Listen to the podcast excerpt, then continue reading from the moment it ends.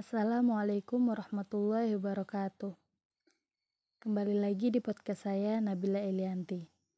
Kali ini saya akan menjelaskan beberapa poin. Yang pertama adalah sejarah Sumpah Pemuda dan kemerdekaan. Sumpah Pemuda merupakan identitas nasional negara Indonesia, yaitu dengan menjadikan bahasa Indonesia sebagai bahasa persatuan. Dengan adanya Sumpah Pemuda, para pejuang bersatu untuk melawan dan mengusir para penjajah, hingga proklamasi kemerdekaan dapat tercapai.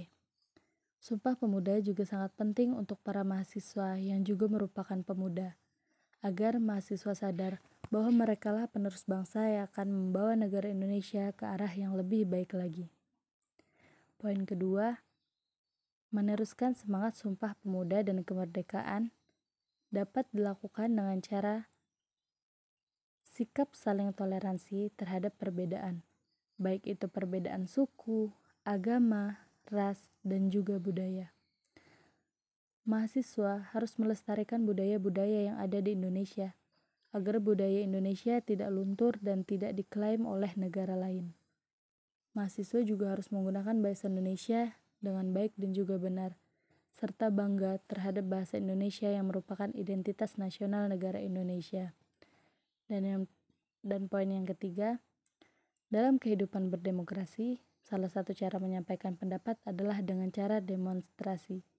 Hal inilah yang dilakukan oleh segenap mahasiswa pada aksi unjuk rasa di daerah Jakarta dan daerah sekitarnya.